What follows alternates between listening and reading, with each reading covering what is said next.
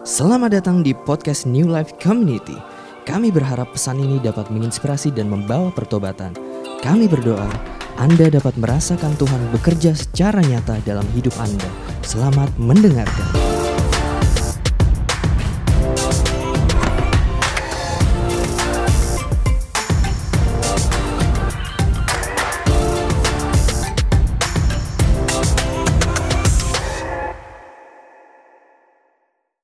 Oke.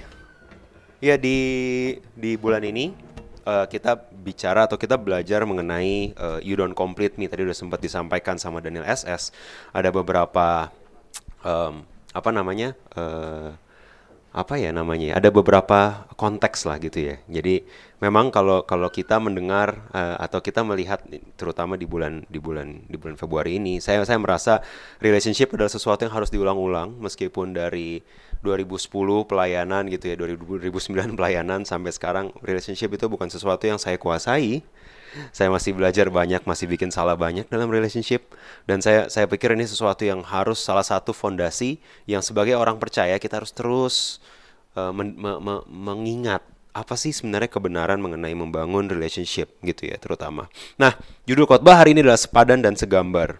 Sepadan dan segambar gitu ya. Jadi uh, khotbah hari ini uh, kalau belakangan saya merasa oh di NLC ini uh, ilustrasi dan khotbahnya mulai banyak ke arah keluarga gitu ya. Terus yang single mulai merasa tersingkirkan gitu ya. Oh, udah saya nggak ada yang suka gitu ya di di, di gereja tetap saya bukan buat saya khotbahnya gitu ya. nggak nggak nggak di sini. Tapi hari ini uh, ini akan lebih lebih balance, I would say. Jadi buat kamu yang uh, ada di ada di masa lajang atau singleness, saya saya rasa kita akan belajar banyak termasuk kamu yang sudah menikah, kita belajar meng mengenai gambar Allah, kita bisa memahami gimana cara hidup dalam rumah tangga actually. Oke, okay? sepadan dan segambar. Kejadian 1 ayat 26 Oke, kejadian 1 ayat 26 bicara kayak gini. Berfirmanlah Allah, baiklah kita menjadikan manusia menurut gambar dan rupa kita, imago Dei, supaya mereka berkuasa atas ikan-ikan di laut, dan burung-burung di udara, dan atas ternak, dan atas seluruh bumi, dan atas segala binatang melata yang merayap di bumi. Maka Allah menciptakan manusia itu menurut gambarnya, menurut gambar Allah diciptakannya dia, laki-laki dan perempuan diciptakannya mereka. Allah memberkati mereka lalu Allah berfirman kepada mereka beranak cuculah dan bertambahlah banyak penuhilah bumi dan taklukkanlah itu berkuasalah atas ikan-ikan di laut burung-burung di udara dan atas segala binatang yang merayap di bumi. Berfirmanlah Allah, lihatlah aku memberikan kepadamu segala tumbuh-tumbuhan yang berbiji di seluruh bumi, dan segala pohon-pohonan yang buahnya berbiji, itulah yang akan menjadi makananmu. Tetapi kepada segala binatang di bumi dan segala burung di udara dan segala yang merayap di bumi yang bernyawa kuberikan segala tumbuh-tumbuhan hijau menjadi makanannya dan jadilah demikian. Maka Allah melihat segala yang dijadikannya itu sungguh amat Baik, jadilah petang dan jadilah pagi itulah hari ke-6. Buat teman-teman yang yang sudah hafal penciptaan dari hari pertama sampai hari ke-6, ada sesuatu yang dikerjakan Allah yang out of pattern, ada out of character dari dari hari satu sampai hari kelima.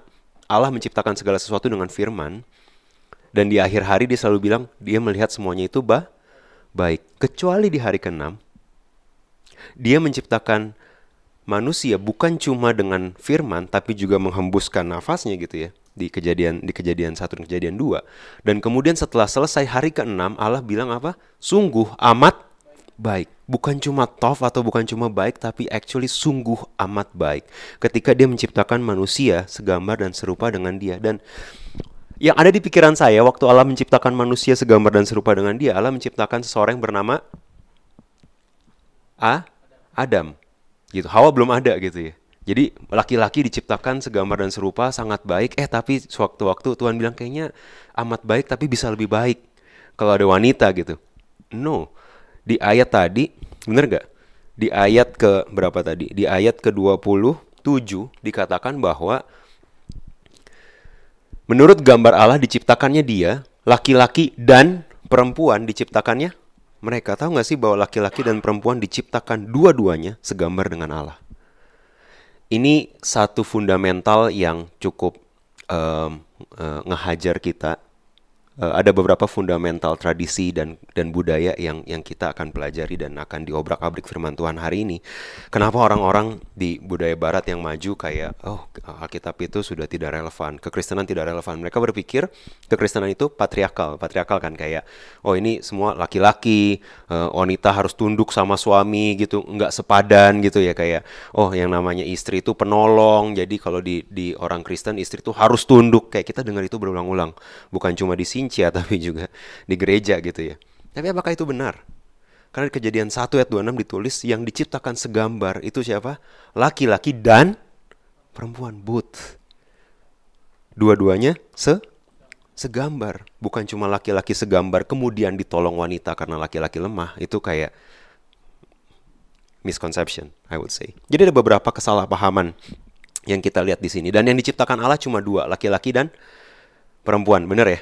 Saya lagi lihat-lihat um, salah satu sosial media hari ini kalau kamu buat akunnya.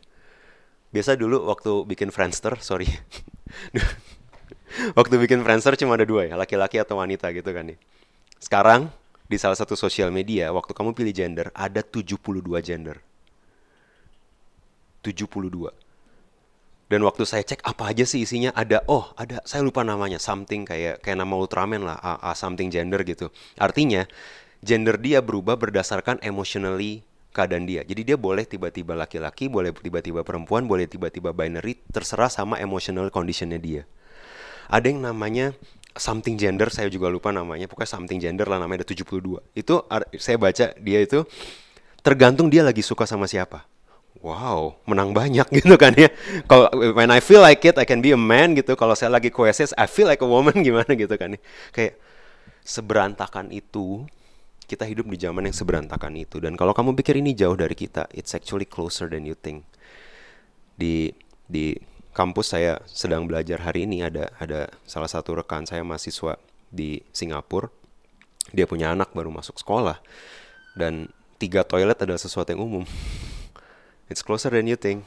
Udah di sini, ya di Singapura itu sesuatu yang sudah mulai umum gitu. Dan itu sekarang. Buat yang udah punya anak lebih berhati-hati. Buat yang masih single, wah gimana anak gue nanti ada 72 gitu kan ya. You know, it's it's a dangerous world we live in today. Ini adalah dunia yang berbahaya yang kita hidup hari ini. Kalau setiap orang tua, kamu boro-boro, kalau udah jadi, apalagi udah jadi orang tua, kalau dari pacaran, dari cari pacar, kamu nggak really punya fundamental yang kuat, akan sangat mudah kita terombang-ambing sama ilah-ilah zaman sekarang ya saya sebutnya gitu. So misconception ada beberapa misconception atau kesalahpahaman kita bahkan sebagai orang percaya. Yang ke satu, pria dibuat lebih dekat dengan gambar Allah, wanita diciptakan dari pria dengan derajat yang lebih rendah. Ini adalah kesalahpahaman pertama. Wanita tidak dibuat dengan derajat yang lebih rendah. Kalau hari ini ada gerakan feminisme, open your Bible dari kejadian satu Tuhan menciptakan dua-duanya se segambar. Gitu ya. Dari awal udah segambar. Kedua, pria memiliki tugas dan panggilan yang lebih mulia. Peran wanita adalah penolong pria mencapai panggilan tersebut. Saya pernah dengar ada suatu ini ini ini budaya yang kita nggak bisa lari ya. Saya saya rasa budaya kalian dan budaya keluarga saya nggak nggak terlalu jauh berbeda. Apalagi sekeluarga ini enggak ya bercanda. Ada sepupu saya di sini. Nggak maksudnya di keluarga besar itu ada yang bilang kayak oh di keluarga besar dari dari dari ayah saya. Saya pernah dengar ada suatu kumpul-kumpul besar dan dan keluarga tuh ada ada ada om tante yang bilang kayak gini ini masuk dari kecil gitu ya dari saya masih kecil tuh kepikiran oh udahlah biarin aja si si papi ini maminya yang ngomong si papi mau bikin usaha apa atau mau nyoba apa yang namanya istri kita cuma ngingetin dan tugas kita cuma diranjang. Dia ngomong gitu di depan saya yang masih SD gitu kan kepikiran terus gitu ya. Apa ya maksudnya gitu kan ya. Absurd banget nih tante gitu kan si inci-inci si kuku ini absurd banget ngomongnya gitu. Kamu tau? Tapi sadar nggak sadar budaya, culture, perkataan yang kayak gitu yang kita bawa terus dan kita berpikir, oh, apalagi yang wanita kamu mulai menghargai diri kamu lah. Saya mulai dengar banyak perkataan di gereja bahkan di lingkungan gereja yang bilang, oh, anak saya harus kuliah, anak saya wanita dan harus kuliah di luar negeri. Saya nggak akan teruskan supaya Ya udah saya teruskan. Supaya dapat suami yang bibit bebet bobotnya at least ke filter bisalah kuliah di luar negeri dari keluarga yang cukup berada gitu. Wow, it's real. Ini budaya di dalam gereja, budaya di sekitar kita yang yang penuh orang tua orang tua ini orang tua yang Kristen, tapi penuh kesalahpahaman tentang peran pria dan wanita. Masalahnya kalau kita nggak bantai dari sekarang, suatu hari kamu punya anak, kamu kamu cuma bawa apa yang kamu de dengar sampai kamu belajar iya ya kenapa saya ngomong gitu ke anak saya? Kenapa saya ngomong gitu ke ponakan saya? Ini sesuatu yang salah. Betul? Nah jadi pria memiliki tugas dan panggilan termulia peran wanita adalah cuma penolong diranjang menurut kuku saya gitu ya mencapai panggilan tersebut and that's totally wrong. Pria dan wanita diciptakan dua-duanya segambar dua-duanya punya tugas. Oke? Okay? ketiga lajang atau singleness adalah kondisi yang kurang berharga. Karena menghidupi gambar Allah harus beranak cu? Cucu tadi habis Tuhan menciptakan manusia. Uh, menurut gambarnya diciptakan mereka ayat 28 berfirmanlah beranak cuculah lah kalau kalau saya single kok kayaknya jauh banget dari ayat ini gitu ya. Ya nggak apa-apa pura-pura aja nggak tapi oh saya single terus gitu. Kamu tahu? Singleness atau kondisi lajang kita kadang punya misconception kalau saya belum menikah saya mulai panik karena saya tidak menghidupi kejadian satu yang katanya harus beranak cucu gitu what? Weird gitu ya. Karena the fact bahwa Yesus pun waktu datang sebagai manusia dia tidak mencontohkan dia beranak cucu. Tokoh yang paling luar biasa di perjanjian baru yang namanya Paulus pun hidup dengan singleness and that's that's fine. Bukan sesuatu yang utama. Kita akan kasih lihat kita akan belajar beberapa prinsip bahwa ini adalah sebuah kesalahpahaman besar. Kalau cuma karena kamu belum merit, ini bentar lagi kan ya, minggu depan kan ditanya, eh udah kerja sekarang, kapan diajak dong pacarnya? Ih belum punya. Tante udah tahu deh pasti belum punya gitu ya. jelek begitu kamu gitu. Nggak ya nggak gitu. Tahu nggak udah nikah tetap kan ya? Kapan punya? Anak punya udah punya anak kapan punya? Adik tuh si Mario udah tiga gitu ya kayak kena terus gitu ya. ada aja gitu kan selalu ada.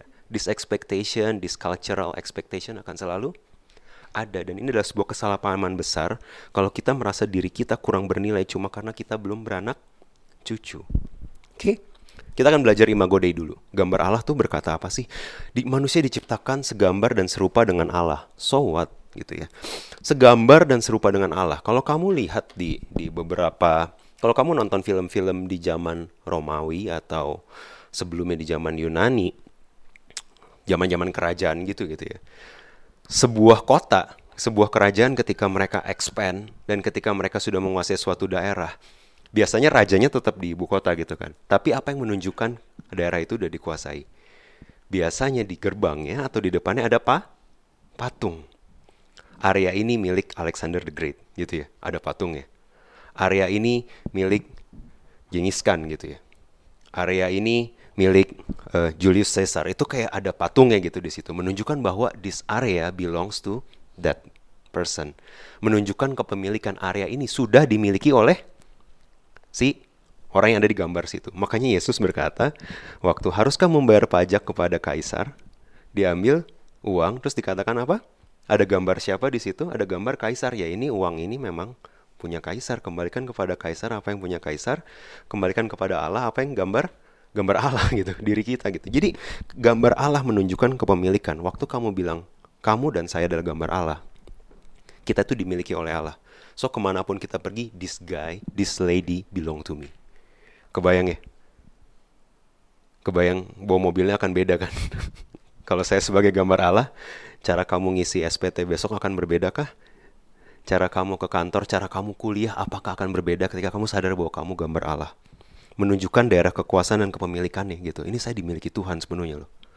Apakah gini cara saya kerja? Apakah gini cara saya belajar? Apakah gini cara saya kuliah?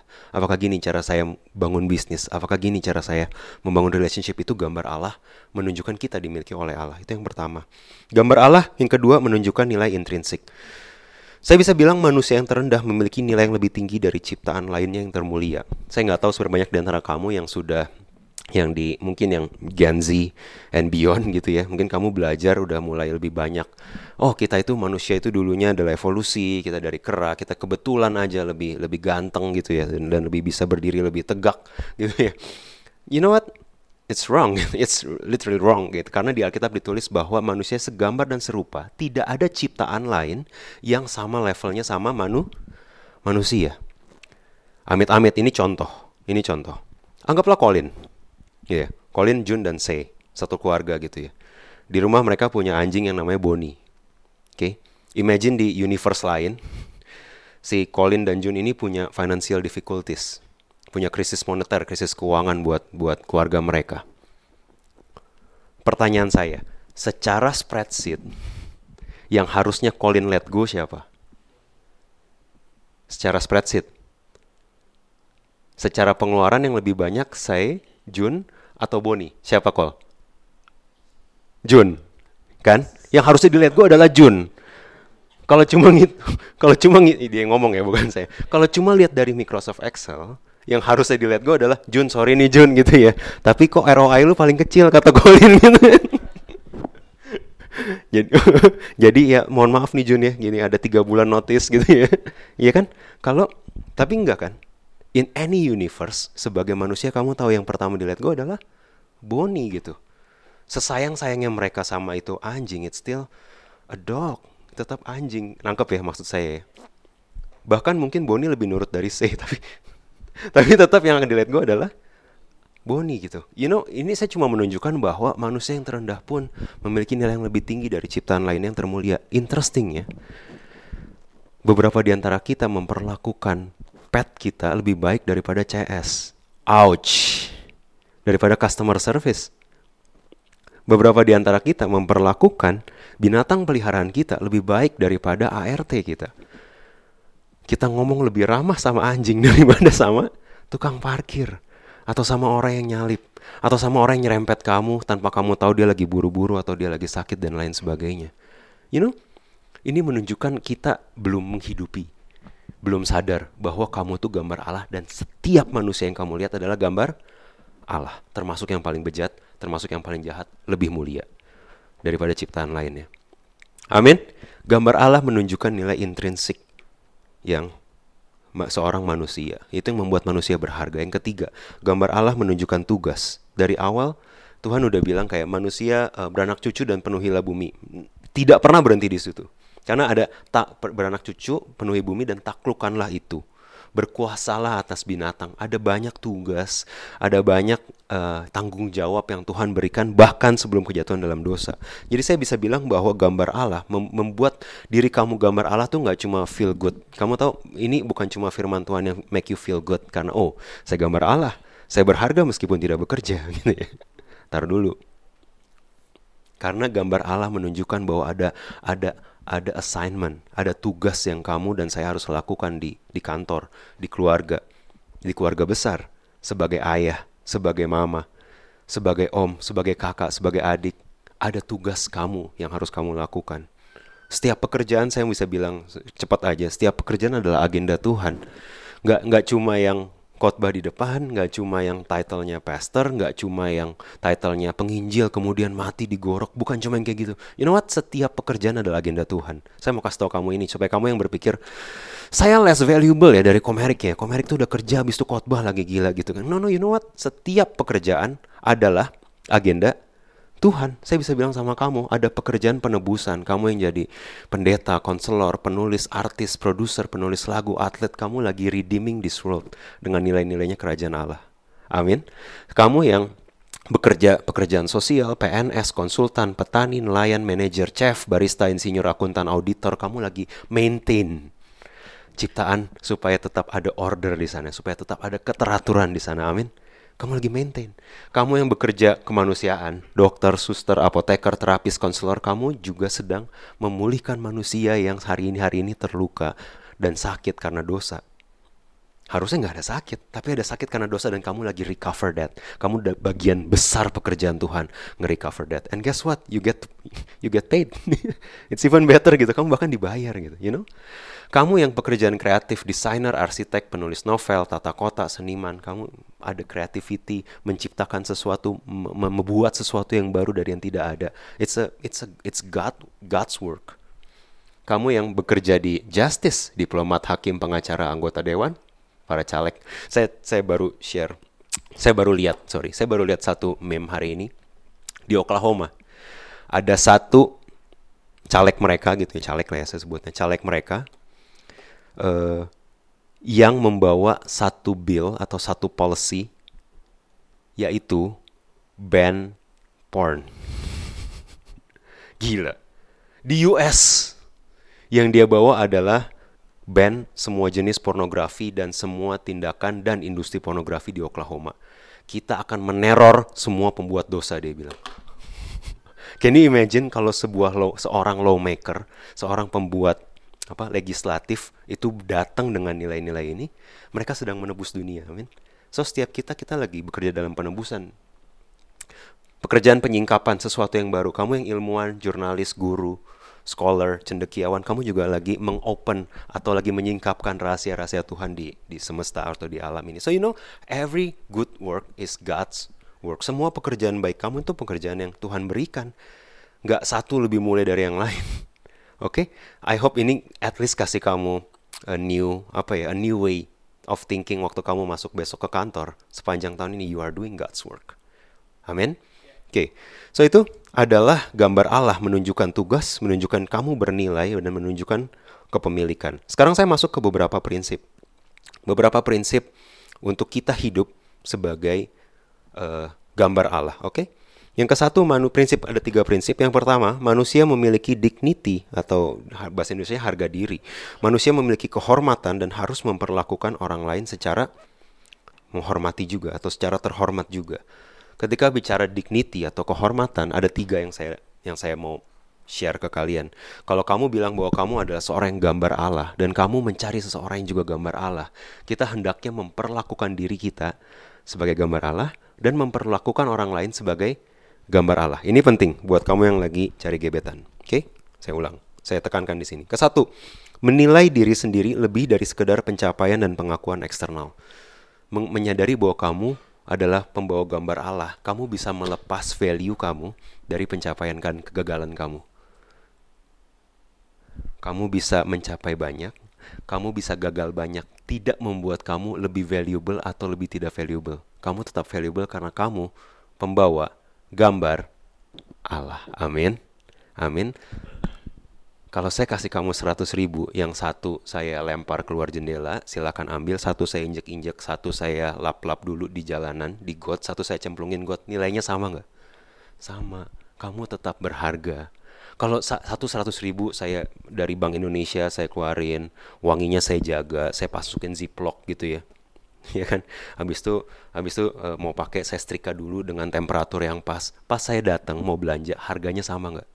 Sama Kenapa kita menganggap orang lain lebih rendah cuma karena mereka penghasilannya lebih sedikit? Siapa yang ngajarin? Bener gak? Siapa yang ngajarin?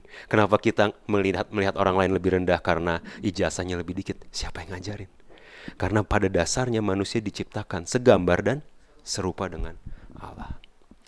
Saya harap kamu bisa mendapat kelegaan hari ini dalam kondisi apa pun kamu kamu tahu kamu berharga bukan karena kamu gagal atau kamu berhasil kamu promosi. You know what? Terlepas dari semua itu kamu berharga karena kamu diciptakan segambar dan serupa dengan Allah. Kedua orang yang diciptakan segambar dengan Allah orang yang menyadari dirinya segambar dengan Allah memperlakukan pasangan dan orang lain dengan empati dan hormat. Dengan empati dan hormat. Hey cara ini buat 50% of you cara gebetan dan pacar kamu memperlakukan kamu menunjukkan apakah dia sadar dia pembawa gambar Allah atau enggak. Kalau dia pembawa gambar Allah, dia nggak bakal sexually merugikan kamu. Karena dia tahu kamu gambar Allah. Nangkap ya ladies. Kalau dia tahu kamu gambar Allah, dia akan memperlakukan kamu layak layaknya gambar gambar Allah. Sama seperti pria. Kalau kamu dekat sama seseorang dan dia menilai kamu berdasarkan pencapaian dan kegagalan kamu, Arti dia belum melihat kamu sebagai gambar gambar Allah. Saya nggak bilang semua orang harus nerima everyone, enggak ya, enggak. Semua orang bernilai, amin. Tapi tidak semua orang membawa nilai yang sama buat kamu. You get that? Semua orang bernilai, tidak semua orang membawa nilai yang sama buat kamu. Kadang-kadang yang ini oke okay, kelihatannya baik, tapi dia nggak membawa nilai yang sama buat kamu. Bye. I love you from afar. I love you, but we should be friend gitu ya. Memperlakukan pasangan dan orang lain dengan empati dan hormat. Yang ketiga, orang yang menyadari dirinya membawa gambar Allah melindungi ciptaan termasuk lingkungan dan dan hewan. Saya mau bilang di sini bahwa gimana cara kamu memperlakukan pasangan kamu harusnya mereflek apakah kamu sadar kamu pembawa gambar Allah atau tidak. Uh, saya sangat um, apa ya namanya dalam kehidupan pernikahan lebih kelihatan lagi. Abis ngomong sesuatu, abis menyakiti pasangan gitu, kamu kayak berpikir, Am I really living? Apakah saya benar-benar menghidupi diri saya sebagai pembawa gambar Allah? Saya bahkan gak memperlakukan Tessa sebagai gambar Allah dengan melakukan ini gitu. Harusnya ada evaluasi yang terus berjalan termasuknya udah menikah. Udah nikah kayak apakah saya memperlaku apakah perkataan saya tadi menunjukkan respect, empati dan hormat kepada gambar Allah. Iya dia istri saya, harusnya tunduk kalau kata Alkitab, tapi dia gambar gambar Allah, bener? Sama kayak kayak para istri juga demikian. Kamu memperlakukan suami kamu, apakah kamu memperlakukan sebagai gambar Allah atau kamu menilai dia berdasarkan kamu masih gitu aja. Aku nggak tahu kamu aku bisa respect kamu apa enggak kalau kamu gini terus. Wait, dia gambar Allah. Terlepas dari kebodohan kebobrokan dia, dia gambar gambar Allah. So, cara memperlakukan pasangan harus sesuai gambar Allah. Saya akan ngasih beberapa di belakang nanti buat kalian yang masih single, beberapa tips praktis later, oke? Okay? Prinsip kedua, manusia memiliki panggilan lebih besar dari sekedar beranak cucu. Oke, okay? manusia punya panggilan lebih besar dari sekedar beranak cucu. Kita suka banget ngelihat perjanjian lama dan perjanjian baru, dan kita sering berpikir bahwa oh, oh tujuan manusia diciptakan apa? Kita ingatnya cuma satu. Oke, okay, kalau saya tanya kamu, di luar ada yang nanya kamu. Uh, orang yang agama lain nanya gitu. Eh Tuhan menciptakan manusia buat apa sih? Kamu ingatnya mungkin kejadian. Oh untuk beranak cucu dan penuhi bumi gitu ya. Kayak wah ini orang pervert banget gitu ya. tapi in a way in a way ada ada hal yang kita lupa. Benar perjanjian lama dan perjanjian baru tuh selalu sama ya. Polanya selalu sama. Perintah yang diberikan di perjanjian lama biasanya di upgrade di update dengan perintah yang lebih penyingkapan dan perintah yang lebih asli di perjanjian baru. Benar? Ya kan? Katanya jangan membunuh di perjanjian lama, tapi perjanjian baru Yesus bilang, kamu benci aja sudah membunuh. Benar kan? Di perjanjian lama dibilang jangan berjinah. Kata Yesus, kamu mengingini orang lain, istri orang lain, wanita lain yang bukan bukan istrimu itu sudah berjinah. Jadi apa yang diberikan di perjanjian lama itu disempurnakan di perjanjian baru. Teman-teman tahu? Perintah beranak cucu di perjanjian lama disempurnakan di perjanjian baru? Matius 28 ayat 19 sampai 20 bilang kayak gini. Karena itu pergilah, jadikanlah semua bangsa muridku dan baptislah mereka dalam nama Bapa dan Anak dan Roh Kudus dan ajarlah mereka melakukan segala sesuatu yang telah kuperintahkan kepadamu dan ketahuilah aku menyertai kamu senantiasa sampai kepada akhir zaman. Kalau kamu mau tahu satu tugas kamu sebagai orang Kristen ini, bukan cuma beranak secara fisik, tapi beranak secara spiritual. Masalahnya hari ini kita sangat panik ketika tidak punya pacar, tidak punya. Bentar lagi Sinca ke 30 sekian gitu dan masih belum bawa siapa-siapa. Kita panik nggak punya anak, sementara kita nggak pernah panik nggak punya anak rohani. Kita panik kita nggak nggak beranak cucu kita nggak punya istri kita punya istri belum punya anak kita punya kita punya pacar belum tahu kapan nikah kita belum punya pacar kita panik. Tapi kita nggak pernah panik kita nggak pernah memuridkan orang lain. Karena panggilan memuridkan ini bukan cuma buat para rasul dan orang-orang yang melayani saja. Panggilan memuridkan ini buat setiap kita. Buat teman kerja kamu di kantor yang lagi ada masalah keluarga kamu di sana untuk memuridkan dia Buat teman kampus kamu yang lagi ada masalah sama orang tua, you are there untuk memuridkan dia. Waktu ada teman kamu yang dibully di sekolah, kamu di sana untuk memuridkan dia. Tapi kita nggak pernah panik, nggak punya murid, nggak punya menti, kita nggak pernah panik. Kita datang dengan ilah modern yang namanya konsumerisme, kita datang ke gereja, kita bergereja, kita punya komunitas dengan satu tujuan. What can I get today? Saya dapat firman apa hari ini? Saya dapat pewahyuan apa hari ini? Saya dapat prinsip apa hari ini? Saya dapat berkat apa hari ini? Kita nggak pernah panik ketika Yesus bilang jadikan semua bangsa muridku. Artinya kamu harus mentorin orang lain. Ada beberapa orang di hidup kamu yang kalau kamu ketemuin sama, anggaplah ketemuin sama saya, karena saya pelayanan sedikit lebih lama dari kamu. Anggap ketemuin sama saya, belum tentu saya jawaban yang mereka butuhkan. Belum tentu. Kamu tahu nggak? Saya lagi kadang-kadang saya lagi latihan badminton gitu ya saya lagi latihan badminton. Kamu tahu teman saya yang luar biasa baik dan ramah yang namanya Bram gitu ya. Beberapa dari antara kamu tahu dia orang yang Wah, kamu nggak nggak kenal nggak apa-apa bagus gitu ya. Dia kayak dia teman baik saya, dia jago main, main, main badmintonnya dan dia suka ngajarin saya. Kamu tahu nggak? Diajarin sama dia lebih meaningful dibanding kalau saya hari ini ketemu Taufik Hidayat dua jam dan mencoba belajar dari Taufik Hidayat. Nangkep gak kenapa? Karena gapnya sangat sangat jauh. Yang saya butuhkan adalah seseorang yang satu dua tahun, dua tiga tahun di depan saya supaya dia masih ngerti. Nangkep ya? Saya harap saya harap kamu bisa translate ini ya ke kehidupan kamu ya.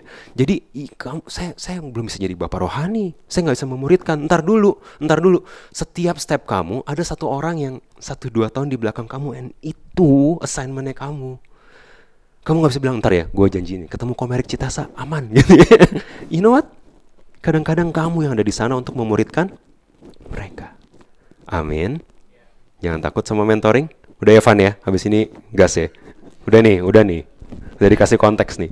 Ya, jangan takut untuk memuridkan orang orang lain beberapa orang tuh bu cuma butuh orang orang Kristen yang satu dua bulan satu dua tahun di depan mereka supaya eh gimana sih lu awalnya? Gitu ya.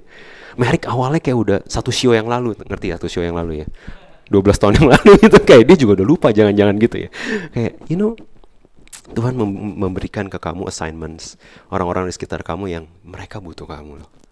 Dan kamu nggak bisa kayak oh kamu begitu panik karena belum procreation belum beranak cucunya lebih panik kalau kamu nggak sadar ada ada assignment yang Tuhan berikan di sekitar kamu so Tugas kita beyond procreation. Tugas kita itu lebih dari sekedar beranak cucu. Panggilan kita lebih dari sekedar beranak cucu. Panggilan kita adalah memuridkan. Panggilan menjadikan semua bangsa sebagai murid Kristus adalah panggilan untuk semua orang percaya di semua waktu dan di semua musim. Kamu udah dibaptis, kamu udah SADR, you're on it. Kamu punya assignment ini, unfortunately. Bukan cuma buat saya, tapi buat kamu juga. Ya, yang udah ini ya, oke? Okay?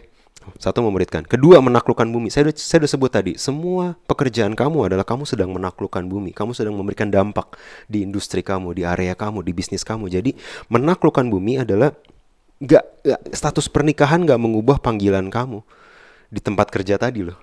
Mau nikah atau nggak nikah, kamu dipanggil ke sana untuk jadi berkat untuk menebus industri kamu. Amin.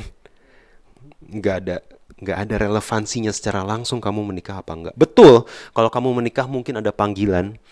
Kalau kamu men me menemukan siapa yang uh, Tuhan mungkin arahkan atau kamu menemukan orang yang memang complimenting you, kamu akan menemukan ada mungkin panggilan yang lebih besar. Regardless of that, kamu ada panggilan hari ini di industri kamu, di pekerjaan kamu, di bisnis kamu, di komunitas, di keluarga kamu. Oke, okay?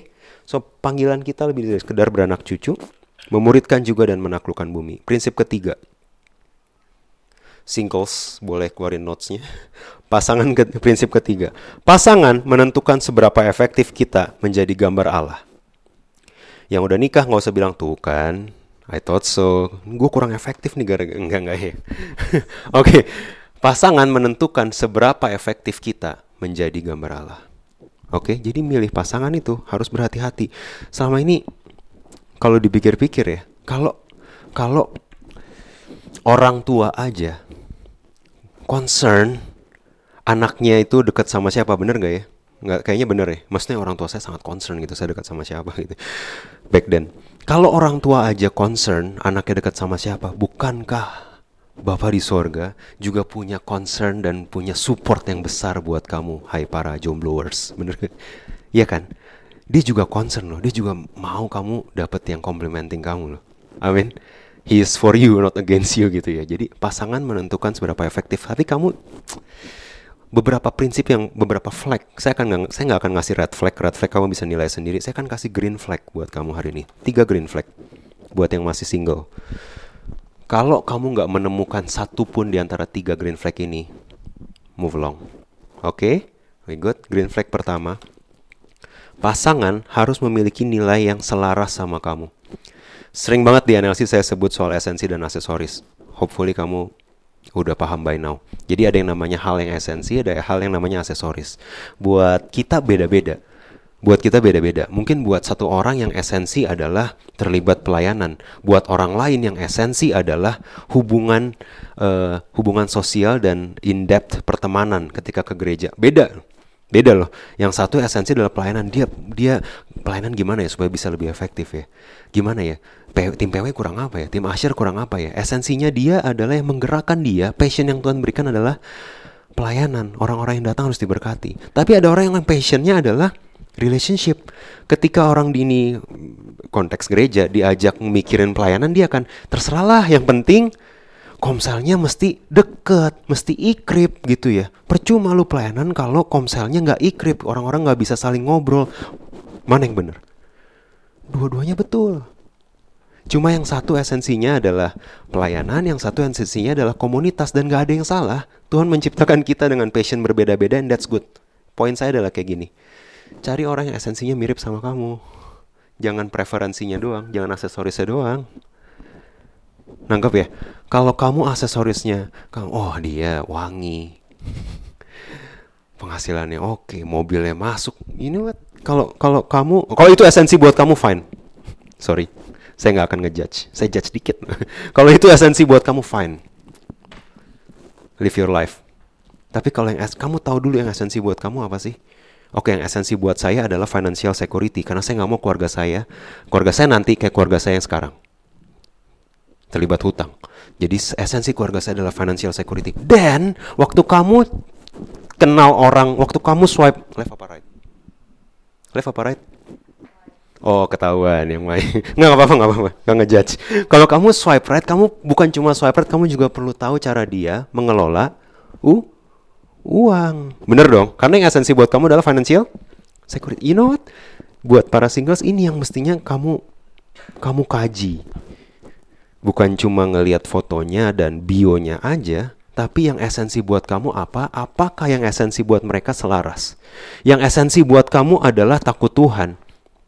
Hari ini orang yang deketin kamu nggak takut Tuhan, nggak apa-apa lah, dia keluarganya liberal kok, masih bisa lah pindah, disengkat dikit ke baptis, kan das masuk kolam gitu ya ke baptis. Hey,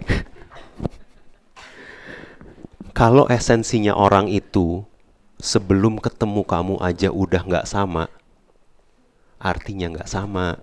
Nangkep ya? Hidup kamu, pernikahan kamu nantinya akan penuh tension. Karena esensinya aja udah nggak nggak sama. Saya saya hopefully firman Tuhan hari ini save most of you dari banyak heartache dan nangis-nangis later. Kalau esensinya nggak sama, step back, tunggu. Kok yang esensi buat gua nggak esensi buat dia? Artinya habis nikah salah satu mesti adjust, bener nggak? Kamu ready melepaskan esensi kamu? Pertanyaannya itu. Kalau dia nggak berubah gimana? Kamu ready melepaskan iman kamu? Nah, gitu ya. Ya, bisa kebayang sendiri lah dari pengalaman dari mukanya kelihatan pengalaman pengalamannya banyak orang-orang di sini. Jadi memiliki pandangan dan esensi yang sama, pandangan dasar dan esensi yang sama dengan kamu, pasangan yang memprioritaskan hal yang mirip dengan apa yang kamu anggap penting. Saya nggak bilang semua hal harus sama, saya nggak bilang hobinya harus sama, caranya harus sama. No, no, no, no. Saya bilang esensinya sama. Esensinya sama, sama-sama suka nolong orang. Kalau nolong orang royal, fine. Cari orang yang yang esensinya sama juga. Habis itu build from there. Oke? Okay? Esensi. Kamu perlu tahu dulu apa yang esensi buat kamu tapi, bener gak? Gimana caranya kamu cari orang ya, cari cari pacar tapi kamu sendiri nggak nggak yakin. Yang esensi buat saya ya cari pacar kok gitu ya. Yang esensi buat saya apa ya nikah. Tunggu, nikah itu event gitu ya. Ya, yang esensi buat kamu apa? Kalau kamu membangun keluarga, a house of Deon, a house of Jesse, a house of Lisa. Ketika kamu ngebangun house, membangun keluarga kamu, apa yang jadi esensi culture yang kamu mau bikin, bikin, keluarga seperti apa yang mau kamu bangun? Itu dulu yang kamu bikin apa? Kaji. Baru kamu filter orang-orang yang datang berdasarkan esensi itu. Ya elah kok belum difilter aja udah jarang. Nggak nggak gitu ya. Nggak gitu nggak gitu. Sorry sorry. Nggak gitu. Maksudnya adalah supaya save you from unnecessary heartache. Oke? Okay? pasangan green flag kedua. Pasangan yang melengkapi bukan yang menyempur menyempurnakan. Jangan cari pasangan yang menyempurnakan. Wah dia dia separuh nafasku gitu ya kalau aduh sorry ya jadul banget ya separuh nafas tuh dewa tahun berapa gitu ya sorry sorry dia tuh my soulmate gitu dia you complete me gitu you know it's not kamu nggak akan menemukan orang yang complete you di luar Tuhan you can try Kamu bisa merasa dia komplit kamu selama enam bulan. Kamu bisa merasa dia komplit kamu sampai pernikahan. Dan pas masuk rumah tangga kamu mulai sadar. No, you know what? This person tidak komplit saya.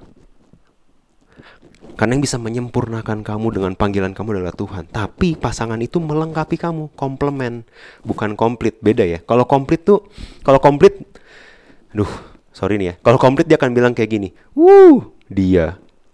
Kalau nggak ada saya, kasihan deh gitu. sorry sorry. itu complete me, nangkep ya?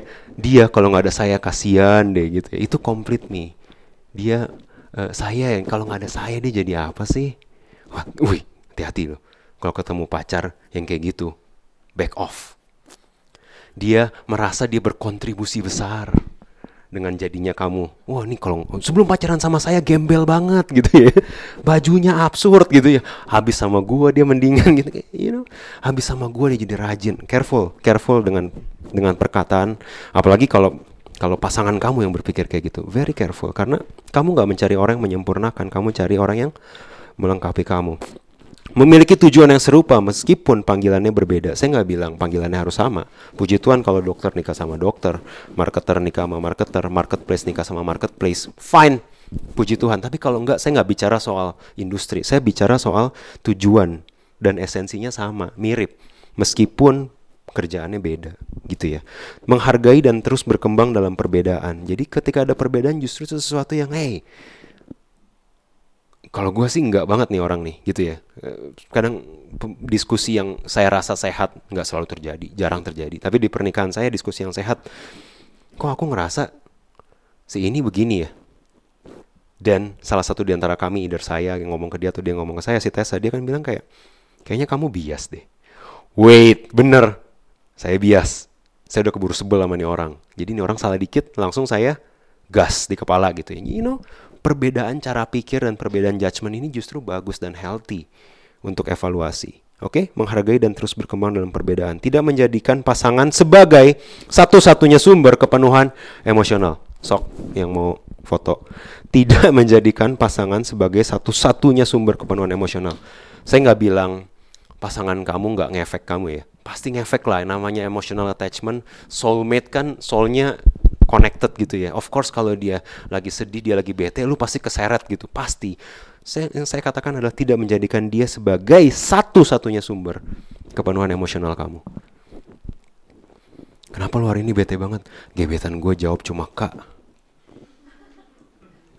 Ih, pada ngetawain gue. gue kayak gitu dulu soalnya. sorry, sorry. Dulu saya kayak gitu, guys. Saya marah gitu sama mantan saya karena lu jawab cuma kak gitu ya. Nggak bisa jawab pakai o gitu. Oke okay, at least gitu ya. Kak doang. Padahal Asia gitu ya. Jadul banget ya. Satu rupiah kan kalau kak doang. Yeah, sorry sorry. It's 1970 berapa gitu ya. 1972 you know what tidak menjadikan pasangan sebagai satu-satunya kebutuhan kebutuhan emosional kamu. Careful apalagi kamu-kamu yang mungkin uh, ketika baru pertama punya pacar saya pernah kayak gitu ya baru pertama kayak kamu menggantungkan ya, ya akhirnya ada yang mau sama gua. Gue mah jelek-jelek amat. Sebuah revelation gitu ya pribadi buat kamu. Dan kamu menggantungkan emosional kamu sama dia careful. Careful karena sumber kepenuhan emosional kamu tidak boleh cuma dia apalagi sebelum menikah kemarin waktu bicara identitas bahkan saya share di Komsel identitas saya aja faktor terbesarnya itu adalah Tessa gitu mau saya dipuji sama orang sekantor selantai itu muji kerjaan saya kalau saya pulang ke rumah saya lagi ada masalah sama Tessa it will bring me down karena identitas saya nggak bisa lepas dari si pasangan hidup saya ini. Nangkep ya? Apalagi makanya semakin berhati-hati dengan kondisi emosional ketika kamu pacaran. Pas pacaran aja kok kamu ke drain gitu. You know what? Pas nikah kali empat kali lima. Kok gua nggak jawab dia bete gitu ya? Kenapa? Mak gua aja nggak gua jawab gitu. Kenapa dia nggak gua jawab bete gitu? Careful.